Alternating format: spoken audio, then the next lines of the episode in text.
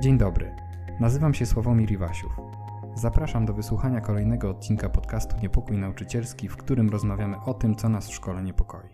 Dzisiaj spotykam się z panem Karolem Pietrzykiem. Dzień dobry, panie Karolu. Dzień dobry, panie Sławku i dzień dobry wszystkim, którzy nas będą słuchać. Pan Karol Pietrzyk jest y, anglistą, y, nauczycielem języka angielskiego. Obecnie pracuje w 12 y, Liceum Ogólnokształcącym przy Zespole Szkół Sportowych w Szczecinie. Wcześniej pracował też w gimnazjum, co pewnie jest nie bez znaczenia dla, dla doświadczeń nauczycielskich. Ma też wiele innych funkcji w biogramie na koncie, o których pewnie gdzieś wspomnimy podczas naszej rozmowy. E, natomiast y, tak dla kontekstu naszego spotkania ważne jest to, że pan Karol dzisiaj rozmawia z, ze mną i z Państwem właśnie ze szkoły, z, z klasy szkolnej e, i to, e, i to jest y, coś charakterystyczne dla współczesnego nauczyciela, który łączy różne różne funkcje i, i znajduje czas na e, nie tylko na to, żeby, e, żeby uczyć, żeby właśnie zajmować się swoimi codziennymi obowiązkami dydaktycznymi, ale także no, znajduje czas właśnie na publicystykę. I właśnie w takim publicystycznym trybie chciałbym zacząć naszą rozmowę. Jeżeli pan pozwoli, panie Karolu, to chciałbym zacząć od cytatu. I słowa, które, które zaraz przytoczę, pisała na Twitterze małopolska kurator oświaty Barbara Nowak. Początek jej tweetu, który e, ukazał się e, we wrześniu tego roku, brzmi tak. Równe traktowanie wszystkich to lewacka utopia. W szkole jej emanacją jest edukacja włączająca. Tylko część dzieci ze specjalnymi potrzebami radzi sobie w szkole masowej. Koniec cytatu. Ten tweet był troszkę dłuższy, tam jeszcze są dwa czy trzy zdania, ale ten początek e, bardzo dobrze pokazuje, o co małopolski kurator oświaty w tej wypowiedzi, jak sądzę, chodziło. E, proszę powiedzieć, jak pan zareagował na te słowa? Tak, ja te słowa przeczytałem wcześniej, też znam je z innych źródeł, bo z Twittera one były podawane dalej. No cóż, jako, jako nauczyciel niespecjalnie się czuję jakoś uprawniony do tego, żeby komentować y, słowa kuratorów oświaty, czy też akurat tutaj panie kurator Nowak, ale jako rodzic, no to tak się poczułem po ludzku dotknięty dosyć mocno. Ten rodzic no właśnie dziecka ze specjalnymi potrzebami edukacyjnymi. Dziecka, które pomimo trudności przy wsparciu nauczycieli, pedagogów i specjalistów ze szkoły jakoś sobie w tej szkole radzi, w szkole integracyjnej. Więc w jakimś stopniu odebrałem te słowa osobiście, ale to chyba jest też typowe dla rodziców dzieci ze specjalnymi potrzebami, że, że oni są wyczuleni na pewne sprawy. Natomiast y, znając jakby też reputację kurator Nowak, no to te słowa y, jak nie zaskakują w jej ustach, może tak. Ale to jest też coś takiego, że jak człowiek jakiejś wypowiedzi wysłucha, to się nad tym zastanawia, zastanawia się dłużej, nie wiem, szuka może drugiego dna i dłużej myślę nad tym, co pani kurator Nowak powiedziała, tym też Zastanawiam się, o co jej chodziło, czy też o co jej mogło chodzić, jaki miała cel, e, publikując akurat taką wypowiedź, a nie inną. Bo czasami jest tak, że ktoś e, coś robi, bo może to zrobić i wie, że może to zrobić bezkarnie. E, no dobra, kogoś tam dotknie, ale, ale informacja zwrotna, która tam napłynie, jakoś tam nie wpływa specjalnie na, na pozycję osoby, która wypowiada te słowa, to jest taka wypowiedź kontrowersyjna, polaryzująca, obliczona też pewno na dużą ilość reakcji na Twitterze pewno Twitter, y, pani kurator Nowak gotował się po tej, y, po tej wypowiedzi. Zapewne z y, wielu osobom mogło się też to podobać. Dużo osób pewno wyraziło jakąś swoją negatywną opinię. No, buduje swoją reputację osoby o takich bardzo radykalnych poglądach na, na, na edukację, w tym również na edukację włączającą. Ja się zastanawiałem nad tym, no, mamy dzieci, i gdzieś tutaj pojawia się też to sformułowanie lewacka utopia. Nie wiem, czy to jest w ogóle dobre, etycznie dobre, żeby jakoś tam e, te dzieci włączać do tej wojny kulturowej, e, która gdzieś tam jest prowadzona w przestrzeni publicznej. No bo jaką mamy alternatywę dla, dla edukacji włączającej? E, dlaczego dawanie równych szans to, to, to ma być utopia? Jeśli nie będzie edukacji włączającej, to znaczy jaka edukacja? Edukacja wykluczająca y, może dzieci z, ze specjalnymi potrzebami, czyli te dzieci nie będą miały wstępu do do szkół e, ogólnodostępnych, e, integracyjnych, e, czy też ogólnodostępnych z oddziałami integracyjnymi, czy też podobnych, to stwierdzenie, że tylko część dzieci sobie radzi. Też trudno powiedzieć, o jaką część pani kurator Nowak chodziło, dlatego że dzieci ze specjalnymi potrzebami edukacyjnymi to nie tylko dzieci, które mają deficyty poznawcze, to nie tylko dzieci, które mają orzeczenie o potrzebie kształcenia specjalnego, które wynika na przykład ze spektrum autyzmu, problemów, nie wiem, neurologicznych, czy też różnego rodzaju e, kwestii związanych z tym, że nie są w stanie się uczyć na takim poziomie jak, jak e, dzieci pełni zdrowe. Ale przecież y, młodzież, dzieci niepełnosprawne to również dzieci niedowidzące, dzieci niedosłyszące z niepełnosprawnością w stopniu lekkim, umiarkowanym. To, to jest, można powiedzieć, mnóstwo różnego rodzaju dysfunkcji. Potrafimy sobie chyba łatwo wyobrazić osobę, która nie dowidzi albo nie dosłyszy, ma orzeczenie o potrzebie kształcenia specjalnego, ale e, nie tylko jest w normie intelektualnej, ale może nawet e, być osobą o wybitnej inteligencji. I też dla niej bardzo dużym wyzwaniem może być funkcjonowanie w szkole, w szkole ogólnodostępnej. Jeśli takie dziecko, taka młoda osoba nie otrzyma pomocy odpowiedniej, adekwatnej do, do tego, co wynika z orzeczenia, też może sobie nie poradzić. Natomiast ta wypowiedź tak jakby, no ona polaryzuje bardzo, ale też rodzi dużo pytań, bo tak zastanawiałem się nad tym, myślę sobie, no chyba pani kurator Nowak chodzi przede wszystkim o te dzieci, które nie są się w stanie uczyć w takim systemie klasowo-lekcyjnym, sytuacja typu nauczyciel prowadzi lekcje, przekazuje wiedzę, młodzież ma tą wiedzę sobie sama albo z niewielką pomocą rodziców przyswoić, potem sprawdzamy to, czego się nauczyliśmy, a tutaj są dzieci, które mają specjalne potrzeby, którym trzeba tak jakby już dostosowywać proces kształcenia, proces dydaktyczny na etapie e, lekcji w czasie rzeczywistym, tak? gdzie jest ten nauczyciel wspomagający, który ma tak jakby modyfikować, dostosowywać to, co jest przekazywane przez nauczyciela prowadzącego w trakcie lekcji. Ja jestem akurat z takiego zdania, że wszędzie, gdzie to jest możliwe, trzeba dawać dzieciom szansę rozwoju. Ogólnie przecież też jest tak, że dzieci bez specjalnych potrzeb edukacyjnych w szkole radzą sobie różnie. Niektóre bardzo dobrze, niektóre średnio, niektóre zupełnie słabo i czasem to, że one sobie słabo radzą nie wynika y, z tego, że, że mają jakieś specjalne potrzeby, tylko po prostu y, najzwyczajniej w świecie albo nie wiem, mają słabszy okres y, w życiu wynikający z jakichś tam czynników zewnętrznych, albo są to najzwyczajniej w świecie osoby, które nie mają dużego potencjału intelektualnego i też będą sobie słabo radzić, więc słabo radzić sobie może uczeń w szkole y, z wielu powodów. I niekoniecznie musi to być uczeń ze specjalnymi potrzebami edukacyjnymi. Jeśli jest dobrze wspomagany, jeśli edukacja włączająca jest prowadzona w sposób dobry, to te dzieci, z moich doświadczeń przynajmniej tak wynika, sobie radzą. No właśnie, e, przepraszam, że wpadam panu w słowo.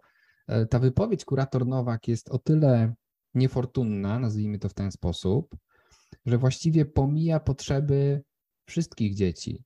Przynajmniej ja ją tak interpretuję, e, tę wypowiedź. Jakby ten polityczny aspekt tego tweeta i to wszystko, co e, nastąpiło później, cała dyskusja wokół edukacji włączającej czy e, pedagogiki specjalnej, jakby niefortunność tej wypowiedzi polega na tym, że jej polityczny aspekt przesłania potrzeby wszystkich dzieci. Szczególnie e, jeżeli doczytamy sobie tego tweeta do końca, to właśnie druga część, druga jego część wyjaśnia być może o co chodzi tylko i wyłącznie kurator Barbarze Nowak. Otóż e, czytamy dalej w tym tweetie. Forsowanie inkluzji przez Europejską Agencję do Spraw Specjalnych Potrzeb i Edukacji Włączającej szkodzi wszystkim dzieciom. Wykrzyknik na końcu. A więc chodzi, ja to przynajmniej tak odczytuję, tylko i wyłącznie o polityczną walkę czy e, spór w wojnie kulturowej, o którym e, Pan wcześniej wspomniał, a nie o potrzeby dzieci. Czy to E, ze specjalnymi potrzebami e, edukacyjnymi, czy chodzących do szkół ogólnodostępnych, czy szkół e, specjalnych. Właściwie nie ma to żadnego znaczenia dla kurator Nowak. chodzi tylko i wyłącznie o podkreślenie swojej politycznej e, pozycji i określenie światopoglądu. No jeśli tak jest, to, to, to jest to rzeczywiście smutne, bo tak jakby gdy coś takiego się pojawia, to przestajemy zapominać, dlaczego w ogóle szkoły istnieją. Szkoły istnieją dlatego, że chodzą do nich dzieci, a czasy mamy takie, że coraz więcej dzieci ma jakieś specjalne potrzeby edukacyjne, więc szkoły są w naturalny sposób również placówkami, instytucjami, do których chodzą dzieci, które mają specjalne potrzeby edukacyjne. No i tutaj jakby chyba dzieci w tej wypowiedzi są pominięte zupełnie, ale tak sobie myślę, że mamy na szczęście to rozporządzenie ministra edukacji, zdaje się z 2017 roku, chyba z sierpnia, według którego uczniowie niepełnosprawni, czyli również ci z dysfunkcjami poznawczymi, mają prawo mieć zorganizowane kształcenie w szkołach ogólnodostępnych, ogólnodostępnych z oddziałami integracyjnymi, w szkołach integracyjnych, a nawet jest, są takie szkoły ogólnodostępne z oddziałami specjalnymi. No i plus oczywiście, y, plus oczywiście szkoły specjalne. Natomiast optymalne rozwiązanie w takiej sytuacji, tutaj też myśląc o wypowiedzi e, pani kurator Nowak, zapewne będą takie przypadki, gdzieś tam w Polsce, gdzie realizacja tego kształcenia specjalnego w, w, szkole ogólnodostępnej czy integracyjnej, bo jeżeli mamy ucznia, który ma orzeczenie o potrzebie kształcenia specjalnego, to e, on ma te dostosowania wynikające z orzeczenia. Te dostosowania można realizować w szkole ogólnodostępnej, w szkole e, z oddziałami integracyjnymi. E, natomiast naturalnie najlepsze rozwiązanie to jest takie, żeby rodzice znaleźli dla swojego dziecka szkołę, która będzie potrafiła najlepiej zadbać o jego potrzeby. Wydaje się nam, że y, byłoby absurdalne na przykład, gdyby rodzice chcieli dać swoje dziecko, które ma specjalne potrzeby edukacyjne, do szkoły, o, która ma opinię takiej szkoły, gdzie jest duże ciśnienie na, na wyniki, na wyniki egzaminów zewnętrznych, gdzie nie ma zatrudnionych w tym momencie specjalistów, którzy mogliby dziecku pomóc i cała jakby ogólnie reputacja danej szkoły powoduje, że nie byłoby to dla niego dobre miejsce, dobre miejsce dla rozwoju. Ale cóż, no jest to szkoła ogólnodostępna, tak? I oni mają prawo dać swoje dziecko do szkoły ogólnodostępnej i wtedy dyrektor tej szkoły musi zatrudnić nauczyciela wspomagającego, specjalistów, którzy będą realizowali potrzeby dziecka wynikające z orzeczenia. No i wtedy to jest taka sytuacja, nad którą można się zastanawiać, dyskutować. Tutaj duże znaczenie będzie miała komunikacja między y, rodzicami a, a dyrekcją danej szkoły. Być może czasem jest też tak, że rodzicami trzeba pokierować, żeby wybrali odpowiednią placówkę dla swojego dziecka. Ale takie przypadki, one nie przekreślają absolutnie samej idei y, inkluzji, tak, że y, powinno być miejsce dla dzieci ze specjalnymi potrzebami w szkołach również ogólnodostępnych, chociaż zapewne nie wszystkich, a przede wszystkim w szkołach e, z oddziałami integracyjnymi szkołach integracyjnych. Więc być może też jest tak, i to może wyczuwam troszeczkę z wypowiedzi pani kurator Nowak, że po prostu dla niektórych ludzi, może nawet dla niektórych środowisk, e, już samo obcowanie z osobami e, ze specjalnymi potrzebami, obcowanie z osobami niepełnosprawnymi jest źródłem może pewnego dyskomfortu, że zmusza ich jakby do, do wyjścia ze swojej strefy komfortu i, i do zaakceptowania zmian, inności, odmienności, do nie wiem, wchodzenia w świat tego człowieka, który, który pojawia się w ich najbliższym otoczeniu. Mhm. Jedna rzecz mnie zastanawia zawsze w takich sytuacjach. Jak wyjaśnić, tak bardzo daleko idący brak podstawowej empatii, jak w przypadku słów kurator Nowak. Skoro mamy dzisiaj do dyspozycji tak wiele różnych teorii pedagogicznych, ale nie tylko, pochodzących i z XX i już XXI wieku, w których to słowo inkluzja w różnych kontekstach i znaczeniach jest odmieniane przez wszystkie przypadki. I oczywiście z tego obszaru mm, e, nauk pedagogicznych moglibyśmy wymieniać tutaj różne nazwiska, ja sobie trzy zanotowałem. E, Stefania Wilczyńska, Helena Radlińska, Maria Grzegorzewska. Nie przez przypadek trzy kobiety, nie przez przypadek trzy pedagogzki, nie przez przypadek trzy teorie, ale też praktyki, e, które do dzisiaj, mam takie wrażenie, powinny uczyć nas empatii, egalitaryzmu i właśnie inkluzywności. Ja oczywiście nie wymagam od Pana jakiejś y, jednoznacznej odpowiedzi. Też trudno, y, y, samemu trudno jest mi znaleźć odpowiedź na to pytanie, ale może, może, może jakoś wspólnie nam się to uda zrobić. Dlaczego Pana zdaniem niektórzy nie odrabiają tego rodzaju lekcji? Tego rodzaju lekcji pedagogicznych, właśnie wychowawczych, dydaktycznych? Tak, to jest trudne, bardzo szerokie pytanie z, z, z mnóstwem aspektów, wiele drzwi to się może otworzyć. Myślę sobie, brak empatii to jest w ogóle cecha naszych czasów. I mi się podoba taka definicja empatii, że empatię odczuwamy wtedy, jak e, potrafimy poczuć ból innej osoby w swoim sercu. Na takim poziomie. To wymaga, wiadomo, zrozumienia, pochylenia się nad kimś. Nad empatią pracujemy, gdy, gdy, gdy roz, no, rozwijamy ją przez kontakt y, z innymi ludźmi, również osobami o specjalnych e, potrzebach. To się też dzieje, uczymy się empatii, rozwijamy ją przez nasze spotkania z ludźmi, przez taką, nie wiem, ludzką otwartość na, na drugiego człowieka, uważność w słuchaniu, ale no, wiemy, że życie jest takie, że niektórzy po prostu tego nie robią. I czasem tym osobom, nie wiem, wysoko wrażliwym trudno jest to, to, to zaakceptować, ale tak po prostu jest. Wspomniał Pan tak, rzeczywiście mamy e, ogrom wiedzy, teorii e, związanej z pedagogiką, również e, tą inkluzyjną, ale to też jest tak, że, że komuś teorie czyjeś się mogą najzwyczajniej w świecie nie podobać. Może być to związane też, też z chęcią, z brakiem chęci spojrzenia z, z szerszej perspektywy, też pewno związane z, z, z niereagowaniem na, na zmieniający się świat. Dlatego, że no, realia mamy takie, że orzeczeń o potrzebie kształcenia specjalnego i innych dokumentów, które otrzymują obecnie dzieci związanych z dysfunkcjami, jest coraz więcej. A jest ich coraz więcej, dlatego że coraz więcej wiemy o tych zaburzeniach. To wcale nie oznacza, że dzieci z dysleksją, dysgrafią, dysortografią wcześniej nie było. One po prostu nie były diagnozowane. To, że obecnie mamy, nie wiem, jedno na 100 dzieci diagnozowane w spektrum autyzmu, a jakieś 10 lat temu było to jedno na 500, to też nie są dla nas jakby liczby bezwzględne. Po prostu więcej dzieje się w kwestii diagnozowania tych dzieci obecnie. I to są po prostu zmiany, na które trzeba reagować. Więc ta edukacja ukierunkowana na potrzeby dzieci o specjalnych potrzebach, jakkolwiek ją e, nie nazwiemy, ona jest po prostu obecnie koniecznością. Inaczej się nie da. Dlatego, że no co, no jeśli nie edukacja włączająca, no to edukacja wykluczająca, tak? Czyli wszystkie dzieci, które mają trudności, kierujemy do placówek, w których tak jakby są zamknięte razem ze sobą i specjalistami i nie uczą się z wzorców takich pożądanych, nie mają kontaktu ze społecznością, e, która może na nich korzystnie oddziaływać, może ich stymulować w dobrym kierunku. I to już zostało jakby ustalone wcześniej, tak, że dla osób z specjalnymi potrzebami edukacyjnymi to jest po prostu potrzebne dla naszego rozwoju. Oni szybciej się rozwijają w takich sytuacjach. To mówię, jeśli chodzi o takie kwestie ogólne. Bo naturalnie może być tak, że, że taka edukacja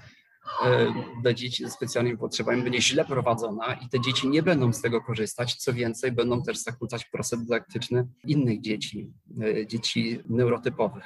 Ale zawsze najważniejsze jest to, że w centrum procesu dydaktycznego jest, jest dziecko, jest młody człowiek. No i też no, naturalnie dotyczy to sytuacji, w których ten młody człowiek ma po prostu specjalne potrzeby edukacyjne. Natomiast no, punkt wyjścia jest taki, jeśli nie ma dzieci, to nie ma szkół. A teraz potrzebujemy również coraz więcej szkół, które będą uwzględniały dzieci o specjalnych potrzebach edukacyjnych. No właśnie, tak na marginesie powiem, że jeżeli Państwo słyszą w tle hałasy, to, to jest typowy pejzaż dźwiękowy dla, dla szkoły. Ale wróćmy do. Na początku powiedziałem, że jest Pan nauczycielem języka angielskiego, ale też co chciałbym podkreślić y, i o tym Pan często mówi i e, pisze w swoich tekstach publicystycznych, że wychowuje Pan syna ze spektrum autyzmu, Michała, e, i często Pan opowiada o metodach, y, jakimi Pan wychowuje syna, z jakimi to się wiąże E, trudnościami, ale też radościami, co, o czym trzeba wyraźnie powiedzieć. Proszę powiedzieć, w jakim zakresie Pana doświadczenia dydaktyczne z codziennej pracy w szkole przekładają się na relacje z synem, ale też jak to działa w drugą stronę. Jak potrzeby Michała, które pan spełnia, oddziałują na pana jako nauczyciela?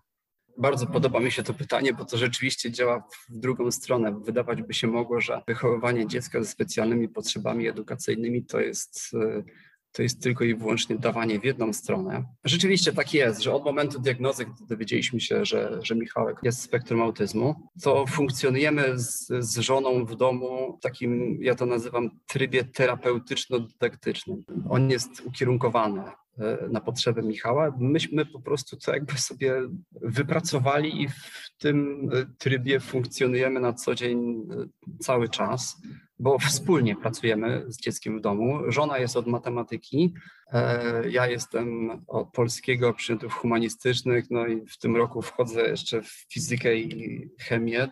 Siódma klasa, więc to jest duże wyzwanie. Tak, no naturalne jest to, że pracujemy z dzieckiem w domu. To jest po prostu rzecz jakby oczywista, że musimy mu pomagać nie tylko w takich kwestiach związanych z jego rozwojem, co wynika z jego potrzeb, ale również wchodzą w grę tej sprawy dydaktyczne, te związane z bieżącym funkcjonowaniem e, w szkole. I rzeczywiście e, wykształcenie pedagogiczne w tym nie przeszkadza, dlatego że praca z dzieckiem w domu to po prostu robienie z dzieckiem różnych rzeczy, wykonywanie różnych aktywności, które mają e, pomagać mu się rozwijać. Czasem są to aktywności zupełnie, zupełnie banalne. Ja nazywam i czasem piszę o tym w taki sposób, że staramy się dziecku dostarczać na co dzień takiego rodzaju stymulacji, która w jakiś sposób go będzie rozwijać, będzie go pchała do przodu. Nawet takie sytuacje typu, nie wiem, Michał Wczoraj zapomniał wziąć e, z szafki zeszytu ćwiczeń od matematyki i nie może zrobić zadania, bo po prostu nie ma dostępu do tych ćwiczeń. No i teraz musi to wytłumaczyć następnego dnia pani od matematyki, no więc musimy przećwiczyć rozmowę. E, Michałku, a jak byś to powiedział? Co zrobisz? Podejdziesz do pani od matematyki i co powiesz najpierw? A co powiesz potem?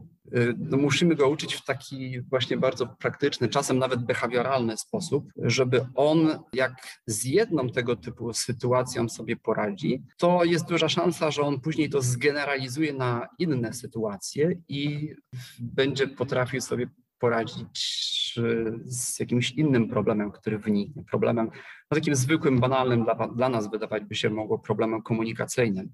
I jeśli nam się udaje te, te, aktywności różne dobierać w taki sposób, widzimy, że jest jakiś postęp, to myślimy wtedy, aha, dobrze, idziemy w dobrym kierunku. Obserwujemy też oczywiście to, y, czy to, co robimy w ogóle przynosi jakiś postęp, a jeżeli na przykład gdzieś widzimy jakąś, nie wiem, stagnację, y, że kręcimy się w kółko, czy też w jakiś kolejny wpadamy, no to widzimy, że trzeba, trzeba coś zmienić. To jest naturalne, że my pomagamy w domu w nauce, ale też my pomagamy w sposób zróżnicowany, bo żona go uczy matematyki w taki sposób bardziej analogowy, bo, bo tego się jakby nie da inaczej zrobić, przez zrobienie dużej ilości zadań razem z nim. E, ja przygotowuję nie, dla niego takie narzędzia związane z technologią informacyjną, bo on na przykład bardzo chętnie i z dużym powodzeniem y, uczy się na przykład historii przez kwestie typu pytanie-odpowiedź, pytanie-odpowiedź. Łatwo mu przez tego typu narzędzia łączyć, nie wiem, postacie z wydarzeniami, wydarzenia z datami y, i jakieś tam hasła związane z różnymi ideami. Jeżeli przerobi wiele razy takie zadania w formie być może quizu, to on to po prostu lepiej i szybciej zapamiętuje. Natomiast ogólnie to, to jego potrzeby są dla mnie wyzwaniem.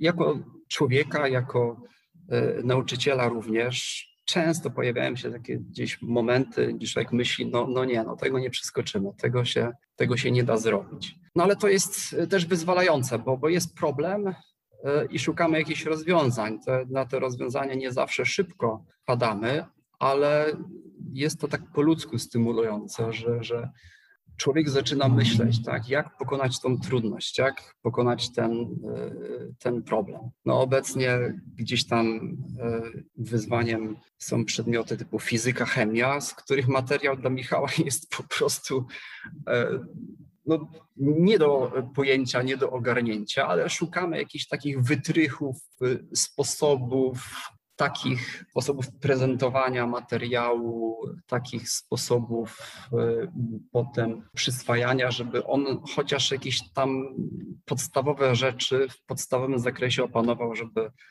mógł uzyskiwać pozytywne oceny. W takim kierunku to idzie. Szukamy rozwiązań na co dzień. Mhm. E, użył Pan takiego określenia neurotypowy wcześniej. E, I dzisiaj oczywiście mm, e, mamy do czynienia z, z, bardzo dobrą tendencją, że z pełną świadomością tego, jak język funkcjonuje, również pewne określenia, jedne wychodzą z użycia. Myślę tutaj o określeniach dotyczących osób z niepełnosprawnościami, a inne wchodzą do, właśnie do użytku. I pan dosyć często i w swojej publicystyce, i w, w rozmowach posługuje się tymi określeniami neurotypowy, nieneurotypowy. Czy mógłby pan je krótko objaśnić? Tak, te, te określenia często sprawiają problem, bo ja osobiście nie lubię takich określeń typowo technicznych, tak, którymi są właśnie neurotypowy, neuroatypowy. Tak. Neurotypowy, czyli e, z mózgiem funkcjonującym w normie w sposób taki e, typowy dla zdecydowanej większości większości e, ludzi. Natomiast neuroatypowy to gdy mamy do czynienia z, z innego rodzaju e, pracą, funkcjonowaniem mózgu, e, innymi cechami poznawczymi tego mózgu, że taki człowiek inaczej się uczy, w inny sposób przyswaja wiedzę, trzeba poczynić dostosowania, żeby, żeby tą wiedzę mu pomóc uzyskać ale też czasem ma bardzo szczególne umiejętności, niezwykłe dla osób e, neurotypowych, czyli tych, które myślą w sposób standardowy, których mózg działa w sposób standardowe, te umiejętności są, są zupełnie nie, nie, nie, nie do pojęcia w sposób prosty, bo najzwyczajniej w świecie po prostu nie raz tego, e, tego nie rozumiemy. Natomiast jeśli chodzi o sam język, to często jest tak, że my z językiem związane są uczucia. Jeżeli my mówimy o sprawach, które są nam e, w jakiś sposób bliskie pod względem zawodowym, no nie wiem, unikamy może jakichś tam określeń super technicznych, to też pokazujemy, czy to jest nam bliskie, y, czy problem nas zajmuje, czy y, sprawa nas pochłania, czy w jakim kierunku my idziemy. Mhm. E, no, zadałem to pytanie także dlatego, że mm, wiem skądinąd e, o Pana książce na temat autyzmu, którą właśnie Pan e, skończył pisać. Czy, czy, może Pan coś więcej na ten temat powiedzieć? Jakich zagadnień książka dotyczy, dla kogo jest przeznaczona i no, przede wszystkim z jakiego powodu e, zdecydował się Pan ją napisać? E, tak, książka.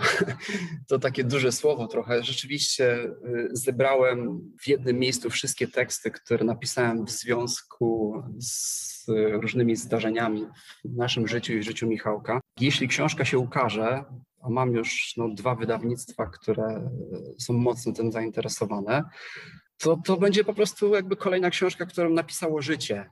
Ona opisuje naszą wspólną drogę z żoną, bo jesteśmy w tym razem, e, działamy razem, wspieramy się razem. Ona pokazuje, jakie działania podjęliśmy, żeby pomóc dziecku, tak najogólniej, przez te ostatnie 10 lat, bo dla nas był to czas intensywnej nauki, intensywnego kształcenia się związanego z wyłaniającymi się potrzebami. I to jest chyba taka, mam nadzieję, Taka książka, którą ja chciałbym dostać do ręki 10 lat temu, gdy my próbowaliśmy stanąć na nogi po diagnozie. Też jest tam sporo o takim codziennym funkcjonowaniu Michała, jego zainteresowaniach. Jest też cały rozdział o tym, jak, jak zadbać o swój dobrostan wtedy, gdy się ma szczególne potrzeby, bo tam, gdzie jest dziecko ze specjalnymi potrzebami, to tak naprawdę jest rodzina, która ma specjalne potrzeby. No i też tam pozwoliłem sobie zawrzeć taki e, rozdział dosyć kontrowersyjny, który zawiera strumień świadomości e, rodziców rodzica dziecka ze spektrem autyzmu, czy jak taki rodzic postrzega rzeczywistość, bo ta rzeczywistość się zmienia dla niego w momencie, gdy, gdy uzyskuje diagnozę i potem ten świat postrzega zupełnie inaczej. No, jest tam też dużo humoru, takiego powiedzmy sobie absurdalnego, związanego z tym, jak, e, jakie dziwne rzeczy czasem robią rodzice dziecka ze spektrem autyzmu, więc mam nadzieję, że będzie to się stosunkowo łatwo czytać. Mhm. Kiedy możemy spodziewać się wydania książki? Ja miałbym taką nadzieję, że to będzie kwiecień, czyli tradycyjnie y, miesiąc y, autyzmu, ale na ten moment jeszcze nie mam żadnych konkretnych dat. Jasne, trzymamy, trzymamy kciuki. E, I będziemy oczywiście Państwa informować e, na pewno, e, jak tylko książka się ukaże, ale chciałbym jeszcze nawiązać do tego, co Pan przed chwilą powiedział o swoich doświadczeniach, swoich, Pana żony, rodziny, jaką tworzycie wspólnie z Michałem i jak, jak sobie radzicie z codziennymi wyzwaniami. To też przekłada się na Pana doświadczenia i też tak z tego, co E, mogę powiedzieć na podstawie Pana tekstów publicystycznych, też na Pana poglądy na temat edukacji inkluzyjnej, e, czy w ogóle kształcenia osób ze specjalnymi potrzebami edukacyjnymi w Polsce.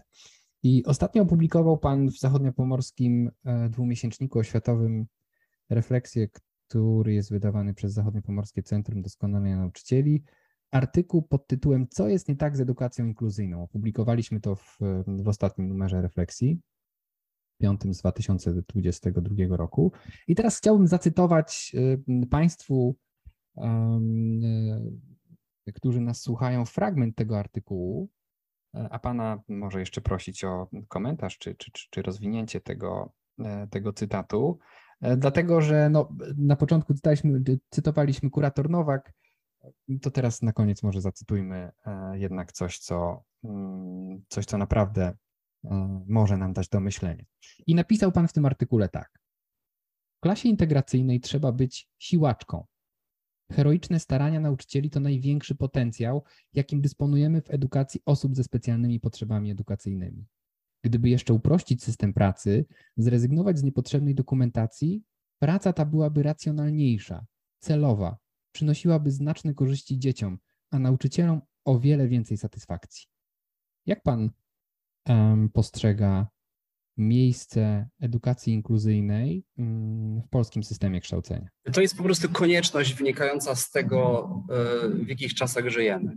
Natomiast jak z każdego rodzaju edukacją, to edukację inkluzyjną można realizować albo dobrze, albo źle. I to często jest bardzo duże wyzwanie. I zdarza się tak, e, że gdy pojawia się w szkole ogólnodostępnej, nie wiem, jeden uczeń ze specjalnymi potrzebami, a do tej pory tych uczniów tam nie było, to to jest dla szkoły duże wyzwanie i szkoła może nie od razu temu wyzwaniu podołać. Potrzeba po prostu coraz więcej specjalistów, a no nie kryjmy, no to jest praca trudna, ona jest wyczerpująca, ona jest wyczerpująca również emocjonalnie, ona jest wyczerpująca fizycznie, ona jest wymagająca, wymaga nie tylko wysokiej kwalifikacji, ale również takich szczególnych predyspozycji osobowościowych, bo nie każdy się do tej pracy nadaje. Nawet bym powiedział, że nie każdy nauczyciel się będzie do tej pracy nadawał, bo to są szczególnego rodzaje nauczyciele.